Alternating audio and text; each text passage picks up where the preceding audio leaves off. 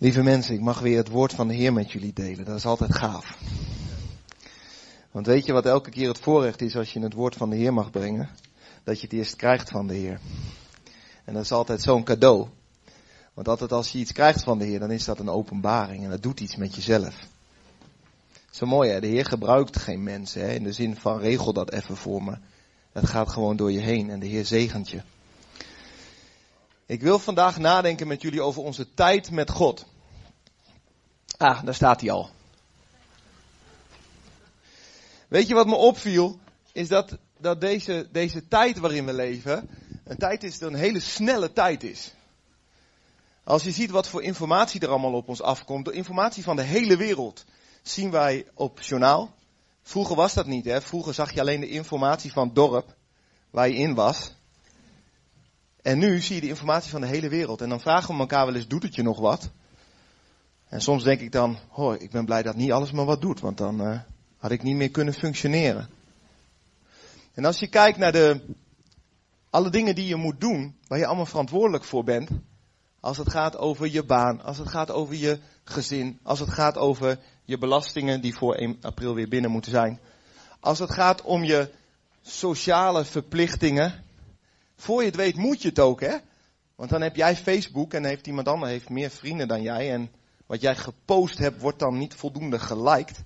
Wat een term, hè? En voor je het weet ben je er zo druk mee dat het allemaal een plekje heeft in je leven. En het vecht allemaal om je aandacht. Komt van je werk thuis en je kinderen lopen gillend door het huis. Je vrouw probeert eten klaar te krijgen. En s'avonds ben je weer op pad voor dit of dat. Of je bent druk met alle dingen die je denkt die een plek moeten hebben in je leven. Daarom heb ik ook gezegd, succes met alle drukte. Want het is best druk. Het is een snelle tijd. En in deze tijd probeer je het leven met God ook een plekje te geven in al die dingen die je moet doen. En voor je weet, is er weer een dag voorbij gegaan. Is er weer een week voorbij gegaan. Is er weer een maand voorbij gegaan. Soms kijk je een jaar terug en denk je, goh, wat is de tijd toch hard gegaan. En Jezus weet dat, dat dat zo is. En dat ze ook wel eens worstelen om de Heer een plek daarin te geven. En ik wil eigenlijk gewoon even eerlijk worden. We waren toch al eerlijk bezig. In de gemeente. Zeg gewoon, wie, wie worstelt daarmee? Om gewoon de tijd met de Heer een plek te geven in zijn leven. Gewoon eens eerlijk, wie worstelt ermee? Ik weet ook heel veel mensen die gewoon elke dag aan de voeten van de Heer zitten. Zijn mensen, ja, zijn mensen die elke dag aan de voeten van de Heer zitten? Ja? Om de dag dan misschien, om de dag misschien? Ja? Ja. Misschien één keer in de week? Eén keer in de week, mensen? Of misschien, misschien moeten we ook eerlijk zijn. Wie, wie zegt van, het lukt me eigenlijk gewoon niet zo goed? Om dat steady vorm te geven. Kijk, daar is iemand eerlijk. Er zijn nog wel een paar meer hoor. Die dat, ja. Ja, mogen ook gewoon eerlijk zijn in het huisgezin van de Heer, hè. We doen het niet voor de buitenkant, hè. De Heer ziet al die dingen wel. Weet je wel? Gewoon eerlijk zijn over de tijd, tijd met de Heer. Want, want het is gewoon reëel dat alle dingen die we moeten doen van ons vragen en voor je het weet, ja, ga je er helemaal in op. En Jezus wist dat ook. Jezus vertelde de gelijkenis van het zaad wat overal gestrooid werd. En een van de dingen wat er gebeurde met dat zaad, is dat het zaad wel probeerde op te komen, maar dat alle zorgen van deze wereld en alle verleidingen, alle dingen waar je mee bezig kan zijn, dat die het zaad verstikte. Herkenbaar in je leven? Alles schreeuwt om je aandacht. Weet je dat het zelfs zo kan zijn dat het oudste schap zo schreeuwt om je aandacht dat je geen tijd meer hebt met de Heer? Raar hè? Dat is echt een heel raar verhaal eigenlijk. Maar je kan zo met alles bezig zijn dat de tijd van intimiteit tussen jou en God verkleind wordt of naar achteren wordt geschoven. Jezus weet dat. In Matthäus 6, vers 27 zegt Jezus het volgende. Wie van jullie kan door zich zorgen te maken, en dat gebeurt vaak, hè, als wij ons leven vol hebben met alle dingen die op ons afkomen, gaan we ons er ook zorgen over maken. Je gaat je er druk over maken. Het houdt je bezig. Wie van jullie kan door zich zorgen te maken ook maar één L aan zijn levensduur toevoegen? En wat maken jullie zorgen over kleding? Kijk eens naar de lelies. Kijk hoe ze groeien in het veld. Ze werken niet en weven niet. Ik zeg jullie, zelfs Salomo ging in al zijn luister niet gekleed als een van hen. Als God het groen dat vandaag nog op het veld staat en morgen in de oven gegooid wordt, al met zoveel zorg kleedt. Met hoeveel meer zorg zal hij jullie dan niet kleden? Kleingelovigen. Poeh, die is wel pittig die Jezus hè. Vraag je dus niet bezorgd af wat zullen we eten of wat zullen we drinken of waarmee zullen we ons kleden. Dat zijn allemaal dingen die de heidenen najagen. Heidenen misschien de mensen die God niet de eerste plek geven in hun leven. Misschien ben je wel christen en is er toch nog een stukje heiden in je, omdat je niet God de eerste plek geeft. Is maar een idee. Jullie hemelse vader weet wel dat jullie dat alles nodig hebben. En dan zegt Jezus dit. Zoek liever eerst het koninkrijk van God en zijn gerechtigheid. En dan, dan zullen al die andere dingen je erbij gegeven worden. Dit zegt gelijk iets van het hart van de Heer. Hè? De Heer is overvloed. De Heer is onze Vader. Hij had nooit bedoeld dat wij in krapte zouden leven en ons hartstikke druk zouden maken over alles. Hij had gewoon bedoeld dat we dicht aan zijn hart zouden zijn en zouden genieten van zijn overvloed. Maar het is natuurlijk een beetje anders geworden door de zondevloed. Maar Jezus trekt ons terug in deze relatie. En daarom zegt de Heer, met de wil die jij hebt gekregen, zoek eerst het koninkrijk van God. En Jezus laat ons dat voorbeeld ook zien. Jezus kwam vanuit de hemel bij zijn vader naar de aarde om hier redding te brengen. En er was behoorlijk wat mis met de aarde. Jezus had een aardige job, zou je zeggen. Hij had het druk zat. Maar hij laat zien dat ook hij volledig afhankelijk is van de Vader. Telkens weer. We mag naar sheet 2, Anton. Johannes 5, vers 19. Jezus zegt, waarachtig, ik verzeker u, de Zoon, Jezus, kan niets uit zichzelf doen. Hij kan alleen doen wat hij de Vader ziet doen. En wat de Vader doet, dat doet de Zoon op dezelfde manier. De Vader heeft de Zoon immers lief en laat hem alles zien wat hij doet. Dus, het is niet alleen Jezus die wil alles zien wat de Vader doet, maar de Vader zegt ook, hé, hey, ik hou van je, dus ik wil ook alles laten zien. Net als een vader die gewoon zijn zoon zegt, hey jongen, je bent geïnteresseerd, wat leuk, ik laat het je zien. Maar je weet dat als je iemand goed wil nadoen, moet je echt goed kijken. En dat is zelfs niet genoeg. Want je kunt goed kijken naar iemand en het nadoen, en dan ga je datzelfde doen in een andere situatie, en dan slaat het ineens nergens op. Ken je dat? Heb ik wel eens gedaan. En dan ontdek je dat je het hart moet kennen van diegene. Je moet de motieven weten. Je moet weten waarom doet iemand wat hij doet. Want dan kan je in het hart van iemand opereren en hem nadoen. En Jezus weet dat dat dus tijd en relatie vergt. Het vergt dat je niet alleen maar even kijkt en ziet, oh zo werkt dat, maar dat je je verdiept. Dat je harten deelt. Je zegt, maar joh, je deed dat, maar waarom deed u dat? Wilt u nog eens uitleggen? En God zegt, ik heb je lief jongen, dus ik wil, ik wil het helemaal uitleggen. En ik wil het je laten zien, zodat je kunt doen wat ik doe. Lucas 6, vers 12 zegt Jezus, op een dag trok Jezus zich terug op de berg om te bidden. En de hele nacht bleef hij tot God bidden. Toen de dag aanbrak, riep hij de leerlingen bij zich en koos twaalf van hen uit die hij apostelen noemde. Hier zie je gewoon weer zo'n klein voorbeeldje van Jezus, die in het midden van zijn bediening in alle drukte er tussenuit gaat en bij de Heer gaat zitten. En misschien ken je dat wel, dat je je hart begint te delen met de Heer. En je had gewoon even tijd genomen. En dan in één keer kijk je op je het een paar uur later. Dat is ook wat Jezus gebeurde. En zei, oh is het Heer, is het alweer ochtend? Ik was zo heerlijk met u aan het praten. En toen ging Jezus gewoon weer verder met de dingen die hij moest doen. Maar je herkent misschien wel dat als je dingen moet doen, dat het echt veel beter gaat als je bij de Heer bent geweest. Ja, amen. Het is niet zo dat je bij de Heer komt en de Heer zegt, regel het even zo, regel het even zo, regel het even zo. Ik krijg vaak helemaal niet de antwoorden. Ik krijg zijn aanwezigheid. En dan sta ik op En dan blijkt dat ik gewoon beslissingen kan nemen, maar ik weet dat hij bij me is. Dus ik ben niet zo bang meer. Dus ik voel me gewoon God verzekerd eigenlijk. Omdat hij erbij is. Deze plek, samen met de Heer, is niet iets wat je kan vermarkten naar buiten toe. En daar bedoel ik het volgende mee. Je ziet die vergelijking in de Bijbel over fariseeërs die heel mooi gaan bidden en zo. En alle mensen denken, goh, ik kan niet goed bidden. Maar het slaat helemaal nergens op. Als de Heer Jezus langskomt lopen, dat zie je in de Bijbel al, dan heeft hij de neiging om alles bloot te leggen. De Heer Jezus loopt langs en niemand kan zich meer verschuilen. Maar hij prikt overal dwars doorheen. De fariseeërs hadden een heel cultuurtje gebouwd. En de Heer Jezus loopt langs. Ja, jullie zijn gewoon wit gepleisterde graven, man. Je leeft niet van binnen. Bam, wegcultuur. Dat is echt iets wat Jezus doet. Misschien herken je dat wel in je leven. Heeft hij bij mij ook wel eens gedaan. Dat je in het licht van de Heer komt en de Heer zegt, joh, je bent daar wel iets aan het bouwen. Maar dat lijkt niet op mij. En daarom je tijd met de Heer is er ook niet iets waarvan je kan zeggen, bijvoorbeeld in de gemeente, ja hoor, elke dag. Zodat iedereen ziet dat ik een elke dag man ben. Nee, mijn tijd met de Heer. God weet precies mijn tijd met Hem. God weet precies de intimiteit met Hem. En ja, mijn omgeving gaat er wel door veranderd worden hoor. Maar niet om mijn ego te bouwen.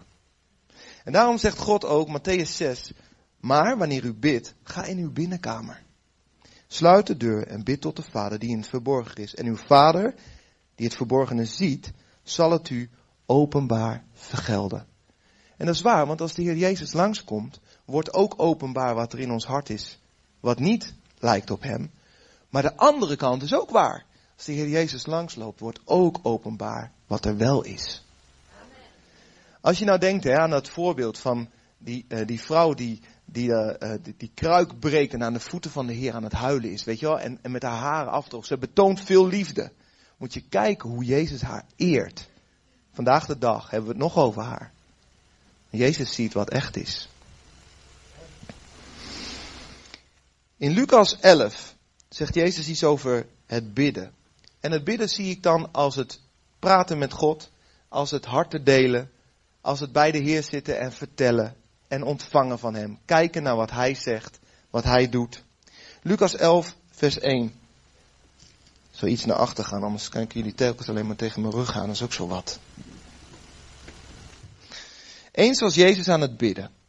En toen hij zijn gebed beëindigd had, zei een van zijn leerlingen tegen hem, Heer, leer ons bidden, zoals ook Johannes het zijn leerlingen geleerd heeft. Hij zei tegen hen, wanneer jullie bidden, zeg dan, Vader, laat uw naam geheiligd worden. Eigenlijk zeg je, laat uw naam een apart plekje krijgen bij mij. Een plekje wat hoger is dan alle anderen.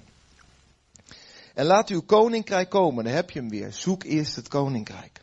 Geef ons dagelijks brood dat wij nodig hebben. Vergeef ons onze zonden, want ook wij zelf vergeven iedereen die ons iets schuldig is. En breng ons niet in beproeving. Daarna zei hij tegen hen, stel dat iemand van jullie een vriend heeft en midden in de nacht naar hem toe gaat en zegt, wil je mij drie broden lenen? Want een vriend van me is na een reis bij mij gekomen en ik heb niets om hem voor te zetten. En veronderstel nu eens dat die vriend dan zegt, val me niet lastig. De deur is al gesloten en mijn kinderen en ik zijn al naar bed. Ik kan niet opstaan om te geven wat je vraagt. Ik zeg jullie, als hij al niet opstaat en het geeft omdat ze vrienden zijn, dan zal hij wel opstaan omdat zijn vriend zo onbeschaamd blijft aandringen. En hem alles geven wat hij nodig heeft. Daarom zeg ik jullie, vraag en er zal je gegeven worden. Zoek en je zult vinden. Klop en er zal voor je worden opengedaan. Want wie vraagt ontvangt, wie zoekt vindt en wie klopt zal worden opengedaan. Welke vader onder jullie zou zijn kind, als het om een vis vraagt, in plaats daarvan een slang geven? Of een schorpioen, als het om een ei vraagt? Als jullie dus, ook al zijn jullie slecht, je kinderen al goede gaven schenkt, hoeveel te meer zal de Vader in de hemel dan niet de Heilige Geest geven aan wie hem erom vragen? Een paar dingen die mij opvallen. De Heer Jezus dringt ons aan om gewoon te drammen. Dat is gewoon wat hier staat. De vriend komt gewoon op een totaal ongelegen tijdstip. Heeft dus niet rekening gehouden met zijn vriend. Maar komt gewoon totaal ongelegen. op het moment dat hij ongelegen komt, krijgt hij een grens. En hij gaat gewoon die grens over. En de Heer bemoedigt hem erin. De Heer zegt, hij zal het je uiteindelijk wel geven omdat je zo onbeschaamd doorgaat. Weet je wat mij dat zegt? Dat deze relatie steady is. De vriend blijft doorvragen en in geen enkel moment heeft hij het idee de liefde van de andere kant zal wel eens kunnen bekoelen. Geen enkel moment. Heb je dat ook met je kinderen? Moet je, moet je eens voorstellen, iedereen die kinderen heeft. Mijn kinderen drammen wel eens. Ja? Halleluja, herkenning. Herkenning. En als ze dan aan het drammen zijn, hè, dan zijn ze echt niet sociaal gewenst bezig om mijn liefde te krijgen hoor. Dan zijn ze echt niet bezig om papa in een gunstige modus te stemmen om gedaan te krijgen wat ze willen. Nee hoor, ze drammen gewoon door. En als ze maar grens hebben bereikt, gaan ze nog even verder. Geen enkel moment twijfelen ze aan de relatie. Er is geen moment dat ze twijfelen aan mijn liefde. Ze zijn gericht op wat ze willen hebben. Denk je dat je God moet pleasen? Hij kent je wel. God is een radicaal verhaal over gebedsvoering, hè? God zegt, wees zo vertrouwend in mijn liefde, dat je daar niet zomaar uitgestuurd wordt. En dram gewoon verder. Dat is wat God zegt. En weet je wat me nog zo opviel, en dat is zo mooi. Het begint met God de eerste plek geven. Laat uw naam worden geheiligd. Dan zegt het, laat uw koninkrijk komen. Dan staat alles er wat je nodig hebt. Dan staat er dat je mag blijven drammen alsof God een vriend is waarvan je zeker bent. En dan staat er, zou de Heer je niet veel meer geven dan een vader is? En wat is dan het antwoord? Hij geeft je zijn geest. Dus het antwoord op jouw vragen aan de Heer, het antwoord op jouw kloppen, het antwoord op jouw zoeken, is de Heilige Geest. Hij zegt een ouder geeft een kind een vis en geen slang, een ei en geen schorpioen. Het kind vraagt wat hij nodig heeft en de vader geeft wat hij nodig heeft. En dan zegt God, ik geef je mijn geest. Zijn geest is ver verheven boven elk ding wat je zou kunnen vragen. Ver van. God zegt, ik geef mijzelf aan jou. Jij vraagt om een brood, ik geef mijzelf aan jou. Jij vraagt om een antwoord, ik geef mijzelf aan jou. Ik deel mijn hart en jij mag mee regeren met mij.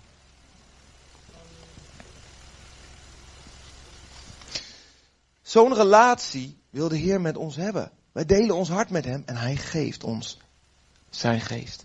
Zodat we partneren. Zodat we aaneengesloten zijn. Nou, Jezus gaf het voorbeeld van de relatie met zijn vader. Maar er zijn nog een paar voorbeelden. Als we kijken naar David, lees Psalm 63, lees ik. God, u bent mijn God. U zoek ik. Naar u smacht mijn ziel. Naar u hunkert mijn lichaam in een door en dorstig land zonder water. In het heiligdom heb ik u gezien, uw macht en majesteit aanschouwd. Uw liefde is meer dan het leven, mijn lippen zingen uw lof. Ik wil u prijzen mijn leven lang, roepend uw naam, de handen geheven. Dan wordt mijn ziel verzadigd met uw overvloed. Jubel ligt op mijn lippen, mijn mond zal u loven. Liggend op mijn bed denk ik aan u. Wakend in de nacht prevel ik uw naam. U bent altijd mijn hulp geweest. Ik juichte in de schaduw van uw vleugels. Ik ben aan u gehecht. Met heel mijn ziel. Uw rechterhand houdt mij vast. David had echt een leven met de Heer. Hij deelde zijn hart. Hij was als jonge herdersjongen, was hij al aan het spelen en zijn hart uit aan het zingen naar de Heer. En er kwamen allerlei dingen op, op hem af, leeuw, een beer, en hij deelde het met de Heer. En, hij, zijn hart was verknocht aan de Heer. En, en God zei van, bent zo'n hart, daar kan ik wat mee. Ik zalf jou tot koning. En dan gebeurt er van alles nog wat, maar God, David laat God niet los. En God laat David ook niet los. En David doet van allerlei dingen dom. Hij doet een aantal fouten, maakt hij. En op het moment dat hij die fouten maakt, merkt hij, er komt een kink in de kabel in de relatie die ik met God heb. Ik heb nu echt het gebod, geboden van de Heer overtreden. En dat vind ik zo mooi. David baalt natuurlijk van de gevolgen als God hem straft. Maar nog veel meer baalt hij van de relatie die um, een kink in de kabel heeft. Hij zegt, mijn gebeente kwijnde weg. Hij zegt, ik had zo pijn van binnen toen ik niet aan uw hart was. Toen ik wist, er zat iets tussen. En op het moment dat hij beleidt en zegt, Heer alstublieft, neem uw geest niet van mij. Uw geest als antwoord op onze dialoog met de Heer. En een dialoog met de Heer. En de Heer zegt, ik geef je mijn geest. En David zegt, is in de kink in de kabel. Mijn gebeente kwijnt weg, Heer. Ik kan helemaal niet zonder u. Ik beken mijn zonde aan u. En ik wil weer dicht aan uw hart zijn. En David heeft wel de gevolgen in zijn leven hoor. Want in die familie gaat niet alles goed. En toch zegt de Heer, je bent een man naar mijn hart. En waarom is dat nou? De relatie. De relatie was bij David belangrijker dan zijn succes. Of dan zijn gevolgen. Hij was verknocht aan de Heer. Hij was gehecht aan de Heer. En mag naar sheet 3. God is altijd online, leuk hè? En nog zo'n man. Je hebt me al een aantal keer horen lezen Exodus 33, maar ik ga het nog een keer doen. Want dit stuk kun je niet vaak genoeg lezen. Mozes, dit, hier zit zoveel in mensen. Vers 7. Mozes sloeg steeds buiten het kamp op ruime afstand ervan een tent op die hij de ontmoetingstent noemde. Ieder die de Heer wilde raadplegen, ging naar de ontmoetingstent buiten het kamp. Buiten het kamp. Telkens als Mozes erheen, zich daarheen begaf, gingen allen voor de ingang van, van hun tent staan en keken Mozes na tot hij naar binnen was gegaan. Zodra hij in de tent was, daalde de wolkolom neer en bleef bij de ingang staan. Dan sprak de Heer met Mozes. Wanneer het volk de wolkolom bij de ingang van de tent zag staan, boog ieder zich voor de ingang van zijn tent neer. De Heer sprak persoonlijk met Mozes zoals een mens met een ander mens spreekt. Daarna keerde Mozes terug naar het kamp, maar zijn jonge dienaar Jozua, de zoon van Nun, verliet de tent niet. Vandaar dat die later ook de leider werd. Mozes zei tegen de Heer, u draagt mij wel op het volk verder te laten trekken, maar u hebt mij niet laten weten wie u met mij mee zult sturen. Terwijl u toch gezegd had, jou heb ik uitgekozen, jou ben ik goed gezind. Als dat werkelijk zo is, laat mij dan weten wat uw plannen zijn. Mooi is dat, hè? Zie je dat het beeld van wat Jezus ook doet? Ik kijk naar de Vader en ik doe precies hetzelfde. En de Vader zegt, ik hou van je, dus ik, ik laat je in mijn plannen. Mozes zegt hij hetzelfde, hè? Heer, ik wil u kennen, ik wil uw plannen weten. Zie je wat Jezus zei, dat je door mag drammen, dat Mozes dat ook doet hier? Zonder dat hij op enig moment brutaal of respectloos wordt, hè? Hij laat alleen het achterste van zijn tong zien. Heer, ik wil dit van u. Want het is belangrijk voor mij. Als het werkelijk zo is, laat mij dan weten wat uw plannen zijn. Dan leer ik u kennen en dan weet ik zeker dat u mij goed gezind bent. Wat hebben we dat nodig? Vergeet toch niet dat deze mensen uw volk zijn. En de Heer antwoordde, moet ik dan zelf meegaan om je gerust te stellen? En zegt Mozes, als u niet zelf meegaan, laat ons dan niet verder trekken. Hoe zou moeten blijken dat u mij goed gezind bent en mij en uw volk, tenzij u met ons meegaat? Alleen dan nemen wij immers een bijzondere plaats in onder de volken die de aarde bewonen. En de Heer zei tegen Mozes, ik verzeker je dat ik zal doen wat je vraagt, want ik ben je goed gezind en ik heb je uitgekozen. Dan gaat Mozes nog een stapje verder. Laat mij toch uw majesteit zien, zei Mozes. En God antwoordde, ik zal in mijn volle luister voor je langs gaan. Ik zie een aantal dingen hier gebeuren. Mozes was een man die gaf leiding aan een volk van 3 miljoen mensen. Klopt hè? 3 miljoen hè? Plus minus. Op een gegeven moment, weet je, dat verhaal van Jethro die op een gegeven moment zegt, joh, dat kan je niet meer alleen, het wordt veel te druk voor jou, bent de hele dag aan het recht spreken, je moet leiders aanwijzen. Nou, ik mag zelf leiding aan een paar mensen geven op mijn werk en ik heb er best heel druk mee. Maar hij had er 3 miljoen. De. Voor mij dus geen excuus meer om te zeggen, ik ben te druk om bij de Heer te zitten, snap je? Mozes zegt gewoon, niet van, ik, ik doe mijn job en ik heb de Heer erbij. Mozes zegt gewoon, om deze job te kunnen doen, moet ik elke dag bij de Heer zijn. En wat doet hij daarom? Hij plaatst een ontmoetingstent buiten de legerplaats. We hadden het over al die drukte, waar je bijna niet uit loskomt. Soms als je bij de Heer gaat zitten, gaat je gedachte nog alle kanten op. Tenminste, heb ik wel. Weet je, zeg je, ja, Heer, dank u. Trouwens, die offerte, weet je wel. Ik denk, oh, ik was weer... Heb ik.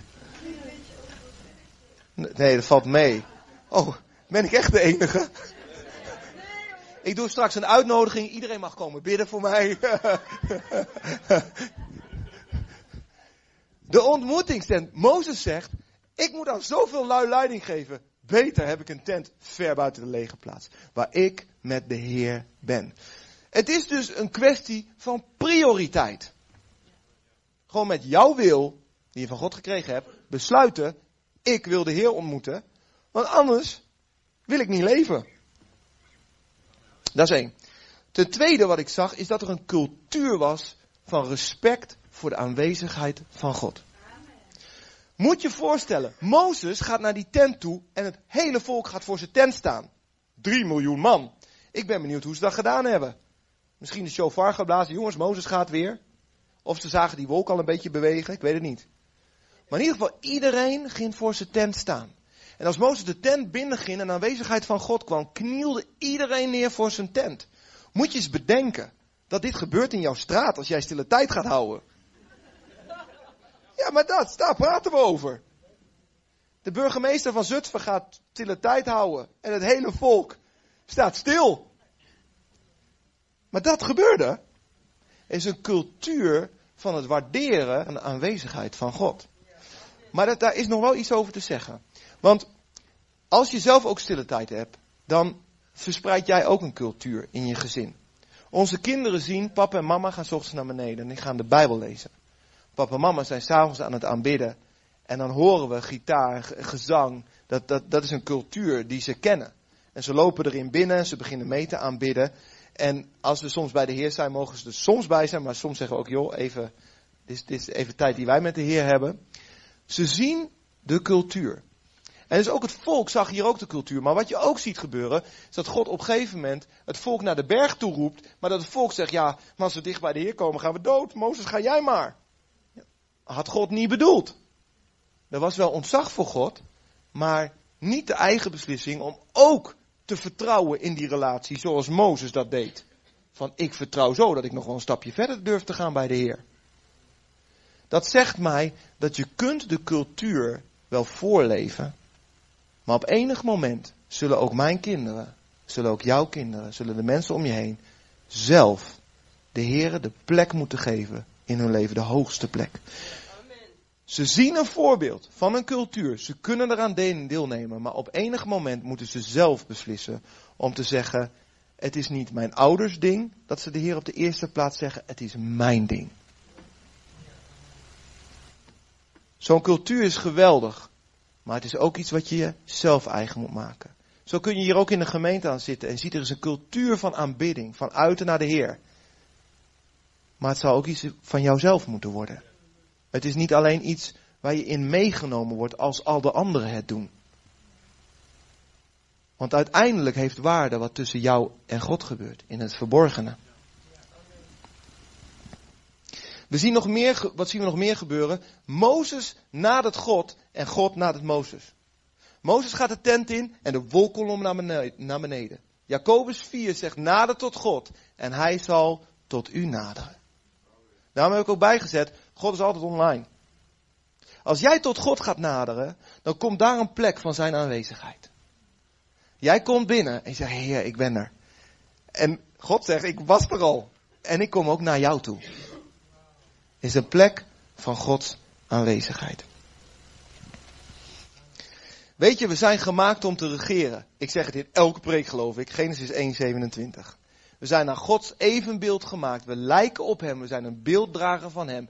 Hij is de grote regisseur van het heelal en wij lijken op Hem. Dus wij mogen in Zijn lijn bewegen.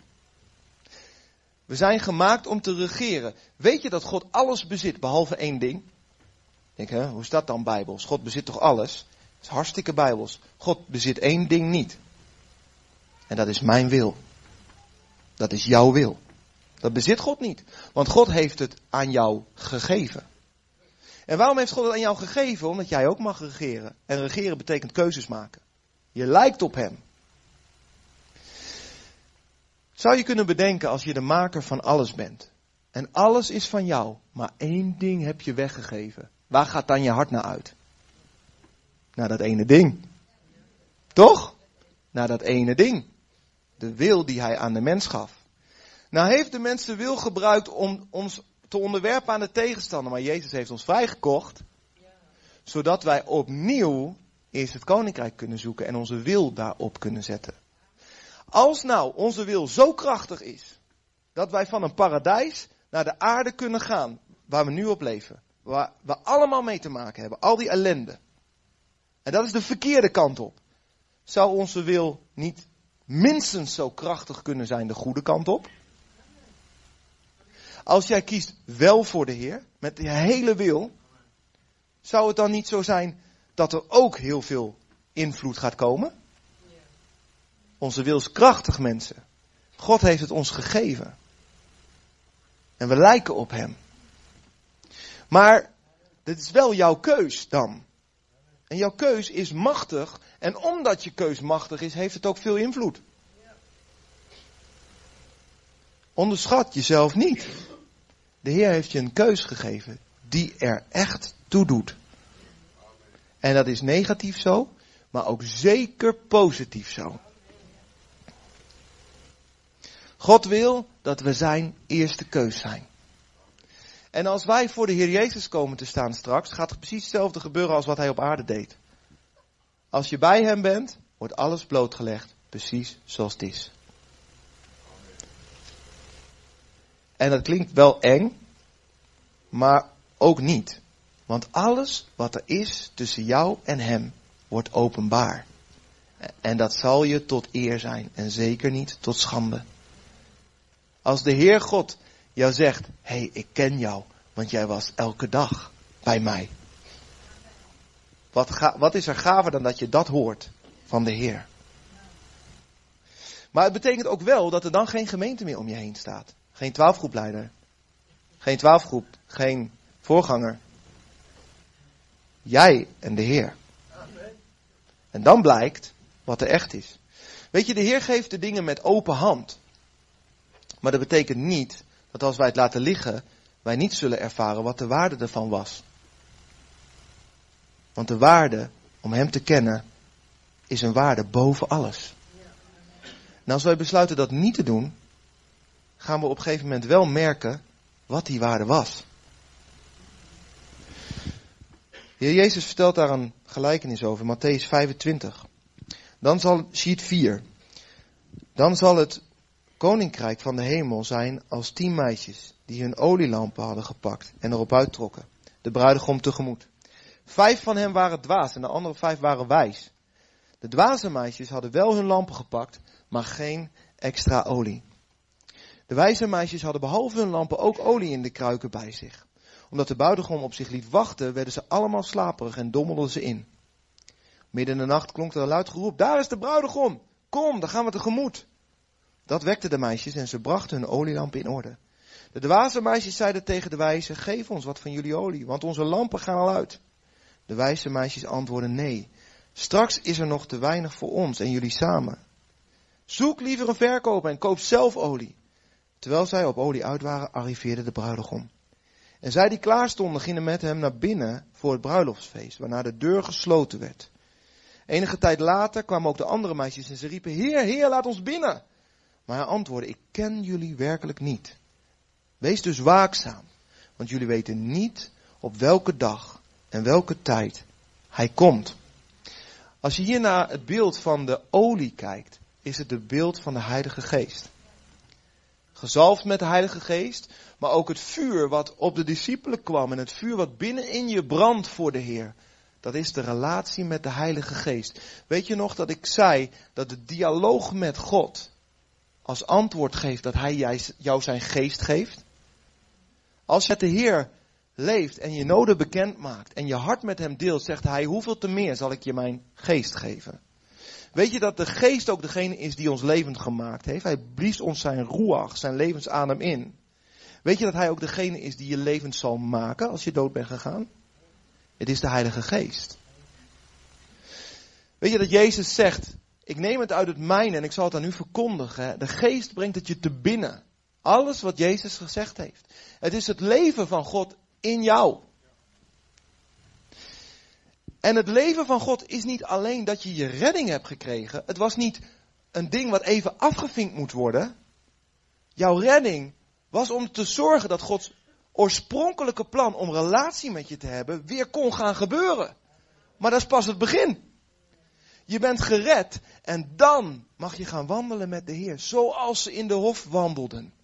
Waarin je de harten deelt en waarin God zegt, als je je hart deelt, geef ik je meer van mijn geest. Want je bent mijn beelddrager en hoe meer van mijn geest, hoe meer beeld er komt.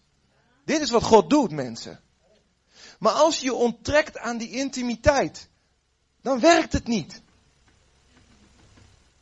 God had bedoeld relatie, hij gaf zijn eigen leven ervoor, alles gaf hij ervoor, om je terug te hebben.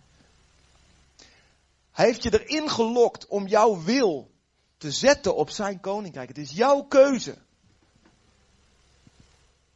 En als je kiest die dialoog met de Heer te hebben, zeg ik geef je steeds meer van mijn geest. Want je zit in mijn club om mee te regeren. En dan blijkt in hoeveel olie er in je is. En dat gaat over echtheid. Het gaat niet over hoe goed je alles gedaan hebt. Of hoeveel functies. Of hoe vaak je er was in de kerk. Of je, of je in het juiste clubje zat. Gaat het helemaal niet over. Sterker nog, het kan zijn dat leiders zullen vallen als ze voor Jezus staan. En dat mensen die achterin zaten zo intiem waren met Jezus. En Jezus zegt, hé, hey, daar ben je weer. Mensen, dat kan. Het gaat om die binnenkant waar het vuur van de geest brandt. Jezus wist het, dat het zaad wat hij geplant heeft van het evangelie verstikt kan worden. Door de zorgen van deze wereld, door de verleidingen van deze wereld. En ik zeg jullie gemeente, maak keuzes. Als jou de zorgen van de wereld en de verleidingen van de wereld te groot voor ogen staan, maak je keuzes. Want nu weet je nog niet hoe belangrijk ze zijn. Maar als je voor de Heer staat straks, blijft er maar één ding over. Wat er werkelijk was tussen jou en Hem. En al het andere heeft geen waarde meer. Terwijl nu het nog zo prominent om je aandacht schreeuwt. Dat, dat vergt een keuze. En dat is precies waar God ons voor gemaakt heeft. Om te regeren. Dus wij kunnen die keuze maken. Zeg niet, dat kan ik niet. God zegt dat je het wel kunt. Zo simpel als dat. Maak je keuzes. En weet je, ik zal je eerlijk zeggen, ik heb heel lang beetje zo yo-yo met de Heer geleefd. Misschien ken je het wel, periodes uit je leven. Dat je hebt zo'n dienst gehad, denk je, oh, ik ben weer helemaal steady met de Heer. En dan een week later denk je, oh, er is niet zoveel meer van over. Het is maar gewoon gebeurd. Tot ik op een gegeven moment het zo zat was dat ik zeg, Heer, er moet meer zijn. Heer, ik wil meer. Heer, ik wil meer. En ik ben blijven roepen tot God me meer gaf. Dit is het punt waar jij ook op moet komen als je daar vandaag mee worstelt. En de Heer heeft me zo'n honger naar Hem gegeven. En ik ben erop ingegaan. Want dat is wat, wat je wel moet doen. Dat is wat je moet doen. En als vandaag zo'n dag is dat je zegt, hé, hey, ik herken me daarin, man. Stop niet met roepen tot de Heer je de honger en de dorst geeft die nodig is. Jezus zegt, ieder die dorst heeft, moet bij mij komen. Niet wie, wie wil zin in een snack heeft. God zegt, wie dorst heeft, die komt drinken. En dan komen de stromen van levend water uit je. Bij God gaat het om echtheid. Echte relatie. Maar ja, dat werkt bij ons mensen ook zo eigenlijk, hè. Het is niet zo verrassend. Maar ik zeg wel, gemeente, ieder maak ernst met je relatie met God. Niet vanuit angst, maar God wil je zo zegenen met de waarde van zijn aanwezigheid. Amen.